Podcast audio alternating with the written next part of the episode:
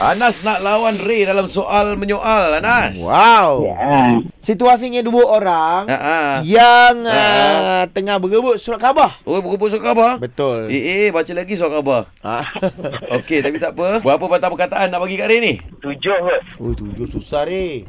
Hah, tujuh paling senang dalam hidup aku. Baik, kalau tujuh senang lepas bunyi loceng kau mulakan dulu Anas. 3 2 1 spontan era. Mana sok khabar ni? So khabar apa yang kau maksudkan tadi? Sok khabar yang kau beli tadi lah kan? Kan, kan, kan.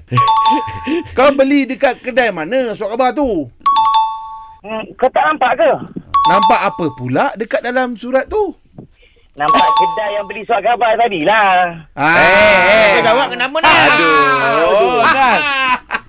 Laju. Senangnya Nas. Kau laju sangat tu kau tenangkan diri dulu. Kau kabur sangat. Macam nak bergaduh sangat dengan Ray kenapa? Ah, ne- nebus, nebus. Nervous. Ah, Nervous. lah. Nervous ah, nervous kau dah kalah ni Nas. Okey lah, Refri silakan. Ah, Nas, apa lagi Nas? Boleh umumkan lah Nas. Silakan.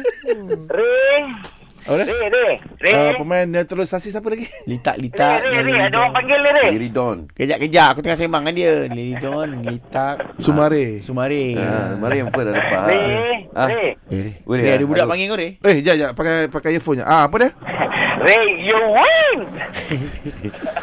Okey lah, okey lah.